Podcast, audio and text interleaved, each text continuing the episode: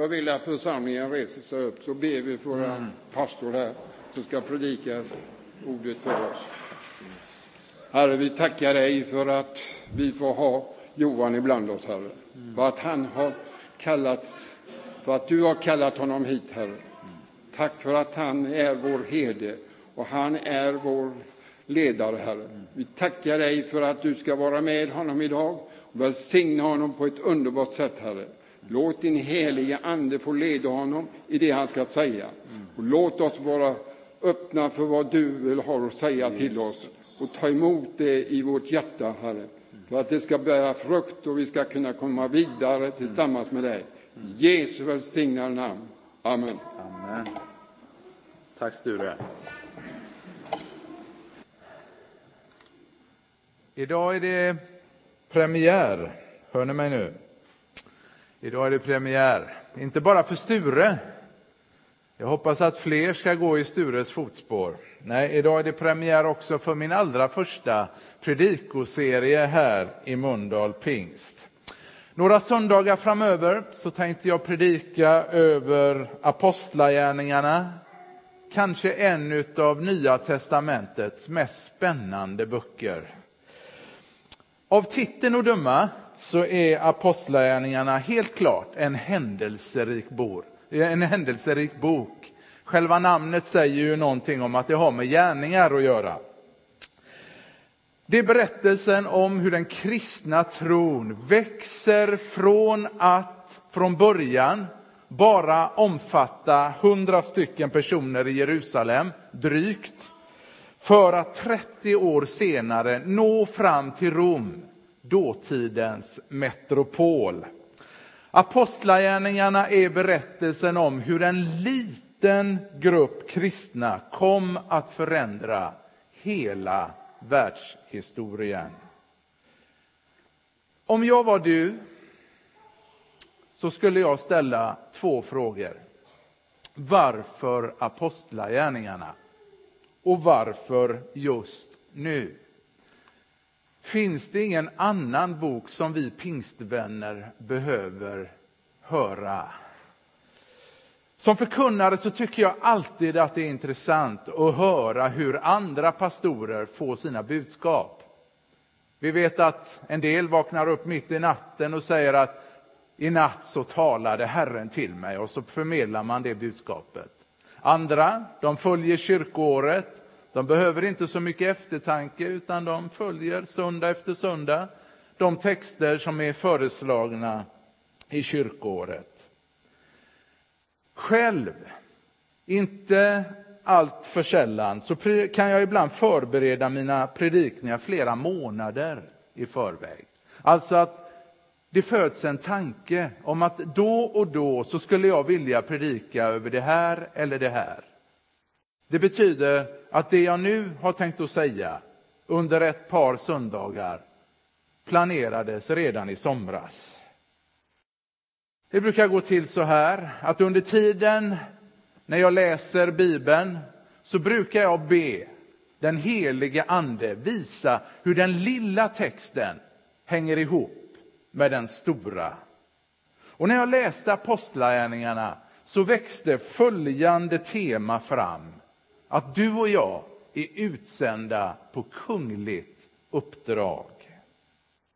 Min bön under min läsning var att en längtan skulle växa fram i mig. Att få dela evangeliet lika naturligt som de första kristna gjorde. Och min bön under den här serien är att samma längtan ska växa fram också inuti dig. Det är fascinerande hur mycket apostlagärningarna har att säga oss i vår tid. Likheten är förbluffande stor mellan det första århundradet och vår. De första kristna levde i en miljö som var mycket lik vår egen. Där de flesta människor inte alls kände till någonting om vem Gud var. Dåtidens stormakt, romarriket, kännetecknades av kejsardyrkan, av barnoffer och av tempelprostitution. Att påstå sig äga sanningen om Gud, det var detsamma som att möta häftigt motstånd. Men de första kristna predikade ett budskap som romarriket inte kunde acceptera, nämligen att Jesus är Herre. För att beskriva denna Jesus använder de ordet, det grekiska ordet, och nu blir Anna-Maria glad, Kyrios. Samma ord som de romerska kejsarna använde om sig själva. Om de bara hade sagt Jesus är Gud så hade ingen brytt sig. För att i Rom så tillät man varje människa, varje invånare att tillbe vilken gud man än ville. Men när samma kristna predikade att Jesus är Herre lät man gripa dem och avrätta dem. Ingen av oss behöver ju vara rädd för att dö för sin tro, åtminstone inte här. Men det finns vissa likheter. Så länge du och jag behåller vår tro för oss själva, alltså tron är min privatsak, så är det ingen som reagerar. Men så fort du och jag åberopar Bibeln offentligt och gör absoluta påståenden, då stämplas vi som extremister eller som intoleranta. Min bön under dessa studier är att Gud ska väcka en lust i dig att tjäna Gud trots hårt motstånd. För det är nämligen poängen med apostlagärningarna, att skapa en lust i oss att vilja göra något för Gud i kraft av den helige Ande. Hoppas du vill vara med och be om det också. Innan jag berör dagens text så skulle jag vilja sammanfatta apostlagärningarna med tre påståenden. Apostlagärningarna är berättelsen om den första kristna församlingens explosiva växt. Det är ingen tillfällighet att apostlagärningarna placeras efter evangelierna och före breven i Nya testamentet. Boken är helt enkelt länken mellan evangelierna och breven. Mellan Jesu liv och hans församling. Det är som en strömkabel som är kopplad till vägguttaget och som är ansluten till någonting annat. Apostlagärningarna förklarar församlingens explosiva växt. Apostlagärningarna besvarar frågan som många ställde sig på den tiden. Varifrån kommer den här rörelsen? Vad har den för ursprung? Vilka är dess rötter? Vad är dess DNA? Församlingen är inget mänskligt påfund utan är fast förankrad i historien, i Jesus Kristus, kraftkällan. Apostlagärningarna svarar för det andra på frågan hur den kristna kyrkan ska agera i en liknande kultur som vår. Och svaret är fortsätt bara att älska Jesus och människor.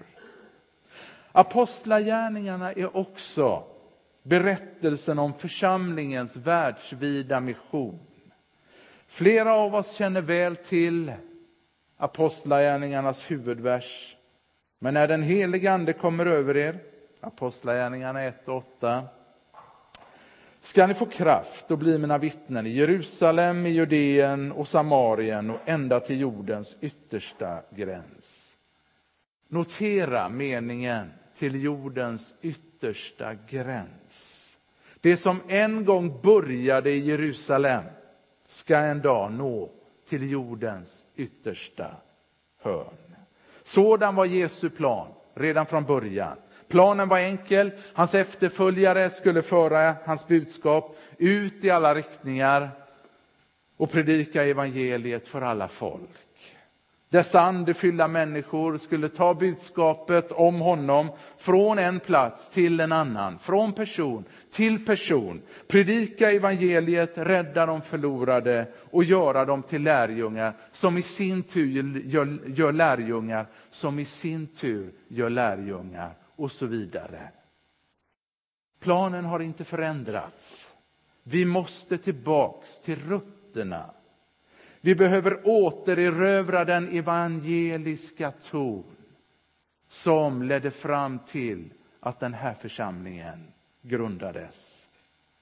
Jag drömmer om att få se människor sändas ut i tjänst, såväl nära som långt borta. Det är min dröm. Och det är ett arv som jag bär med mig från min hemförsamling. När jag lärde känna Sofia, och då tillhörde hon Saron, så brukade jag reta henne och säga ni har salmeristerna, men vi har evangelisterna, sa jag. Det var faktiskt så i min hemförsamling. Vi var flera stycken som gick ut i pastortjänster och någon åkte ut som missionär. Jag drömmer om att få se detsamma hända här, i Mundal pingst. Spelar ingen roll om det är unga människor eller äldre människor, men som bara känner Gud, jag ställer mig till din tjänst. Jag vill gå. Om jag är nära eller långt borta, spelar ingen roll. Det är min dröm. Det är därför jag bygger församling, för att se människor rustas för tjänst. Hoppas att du vill vara med och be för det. Låt oss nu läsa dagens text. Och vet du, idag är det en väldigt kort text. Det är bara en enda vers. Men en enormt matrik vers ska tilläggas. Lukas, han skriver, i min förra skrift, käre Teofilos, skrev jag om allt som Jesus gjorde och lärde. Min förra skrift, det syftar ju på Lukas evangeliet. För Lukas skrev två böcker, nämligen Lukas evangeliet och Apostlagärningarna. Teofilos, det var ett manligt namn och betyder älskad av Gud. Och många tror att han var en högt uppsatt person. Kanske var Lukas hans personliga läkare, det vet vi inte. Hur som helst så tillägnar Lukas sin bok åt honom, eller till honom. Sedan skriver Lukas om allt som Jesus gjorde och lärde. Och nu kommer Anna-Maria tycka om det här också. I grundtexten så står det allt som Jesus började att göra och lärde. Vi vet att Lukas evangelium innehåller berättelsen om Jesu liv från hans födelse till hans himmelsfärd. Det är berättelsen om vad Jesus sa, vad han gjorde medan han vandrade omkring på jorden. Men varför tillade Lukas ordet började? Var det för att säga att Jesus gjorde mycket mer än vad Lukas fick plats att skriva om? Som aposteln Johannes skriver att Jesus gjorde också mycket annat. Men om varje händelse skulle skrivas ner så tror jag inte ens att hela världens böcker skulle rymma det. Det är inte omöjligt att Lukas tänker ungefär samma sak, men sammanhanget verkar syfta på någonting annat. Man kan ju ställa frågan på ett annat sätt. Varför börjar Lukas sin andra bok med att skriva att hans första bok handlade om vad Jesus började att göra? Det enda rimliga svaret tycks vara att om Lukas första bok handlar om det Jesus började att göra, så handlar hans andra bok om det han fortsätter att göra från himmelen genom sin församling i den helige Andens kraft. Apostlagärningarna blir ju på ett sätt en liten orimlig, ologisk, lite missvisande titel. Boken nämner ju knappt samtliga apostlar.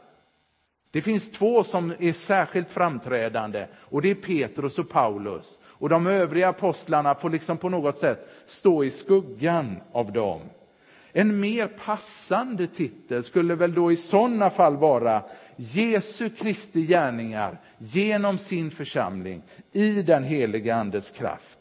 Men jag förstår att den titeln blir kanske lite svår att få in och ska inte heller just stå där. Men andemeningen borde vara den. Det har gått mer än 2000 år sedan Jesus vandrade på jorden. Trots det så fortsätter hans verk genom hans församling här på jorden. Vad Jesus en gång började göra för länge sedan fortsätter han att göra i och genom sin församling med hjälp av den heliga Ande. Men nu kanske någon undrar, menar du att Jesus inte fullbordade frälsningsverket på Golgata? Inte alls. Inte alls.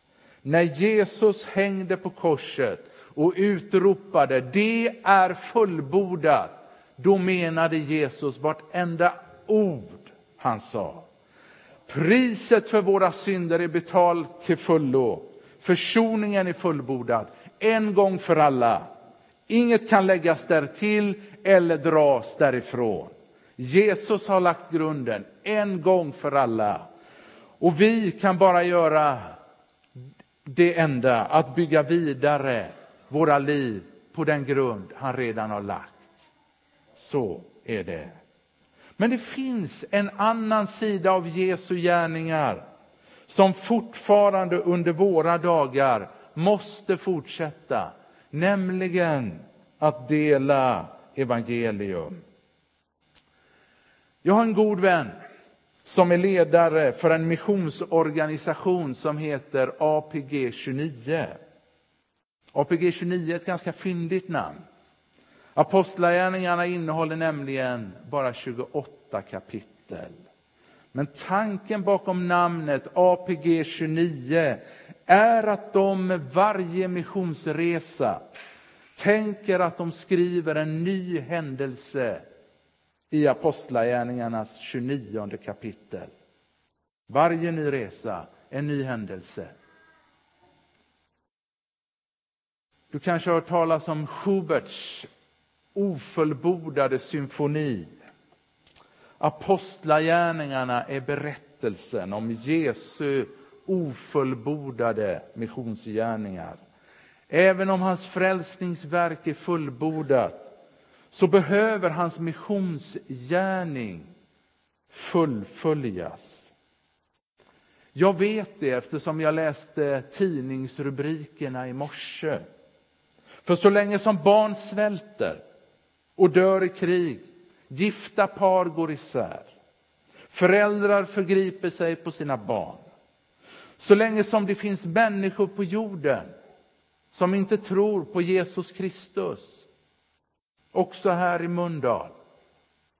Så länge Satan får härja fritt och trasa sönder människors liv genom flaska eller vad det nu är, så är Jesu missionsgärning inte färdig. Arbetsdagen är ännu inte över. Just därför är du och jag kvar här nere på jorden. Om Jesus hade velat hämta oss hem så hade han gjort det för länge sedan. Tro mig. Men ännu återstår en hel del att göra. Därför har Jesus placerat dig just där du är för att fortsätta det arbete han en gång påbörjade i väntan på hans ankomst. Vet du, när jag skrev den här predikan så kom det över mig en sån ja, jag vet inte vad jag ska säga, men jag blev så införstådd över att vi som församling står på randen till något otroligt stort. Jag kände sån gripenhet. Vi som församling står på randen till att få uppleva något otroligt stort. Vi är på väg att skriva otroliga händelser i Apostlagärningarnas 29 kapitel. Hoppas du vill vara med och delta på den resan och ställa dina gåvor till Guds förfogande. Jag går mot avslutningen. Man skulle vilja berätta en berättelse. Det finns en berättelse som handlar om, och jag vet inte om det är en påhittad berättelse, troligen kanske, men den säger ändå en hel del. Den handlar om ett samtal som Jesus hamnade i, i samma ögonblick som han kom upp till himmelen efter sin himmelsfärd. Väl där uppe så möter han ängeln Gabriel som frågar Jesus, hur gick det? Jesus svarade otroligt bra. Krönte de dig till kung? frågade Gabriel. Nej, svarade Jesus. Till prins? Nej, svarade Jesus. Tillbad de dig? Ja, inte de flesta, bara några få, svarade Jesus. Men vad hände då? frågade Gabriel. De korsfäste mig, svarade Jesus. Men sen måste de väl ha tillbett dig? frågade Gabriel. Nej. Men vad hände? Nu började Gabriel bli otålig. Jag lämnade kvar mina efterföljare där nere. Du menar typ en miljon? Nej. Några hundratusen? Nej. Några tusen? Nej. Gabriel fattar ingenting. Hur många då? frågade Gabriel. 120, svarade Jesus. Gabriel himlar lite med ögonen. Du måste skämta. 120, är det alla? frågar Gabriel.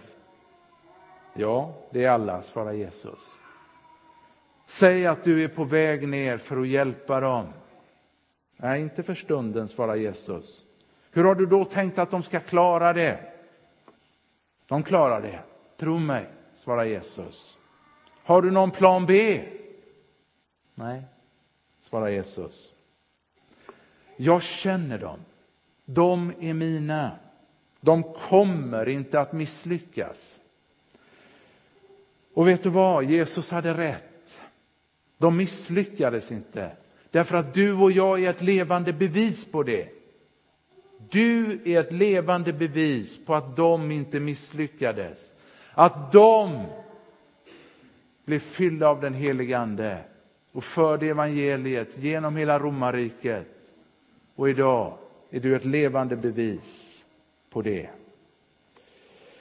Gud ger oss samma hjälp som han gav dem då. Gud är densamma, då som nu.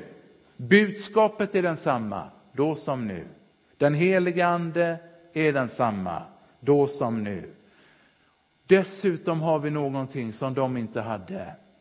Vi har fått den uppmuntrande berättelsen om hur de fortsatte arbetet som Jesus påbörjade, som vi läser förändrade världshistorien.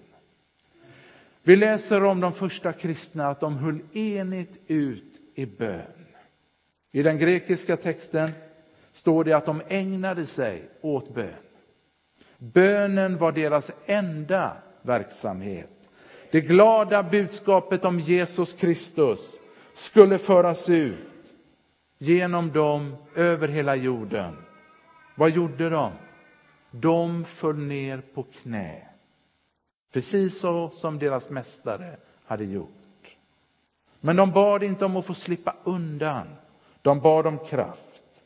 Kraft att få fortsätta det Jesus påbörjade. Och kraften kom. Detsamma kan ske här. Predikan är slut, men låt äventyret börja. Amen. Tack Jesus Kristus för att du började det som blev ofantligt stort. Det som blev min lovsång. Herre, det som blev min frälsning. Det som blev vår frälsning. Herre, vi har nattvardsbordet dukat här som ett bevis på att du lever, att du är här mitt ibland oss. Vi tackar dig Jesus Kristus. Tack för att du möter oss idag, Herre. Och ger oss förnyad kraft så att vi kan fortsätta, Herre, det uppdrag som du påbörjade. I Jesu Kristi namn. Amen.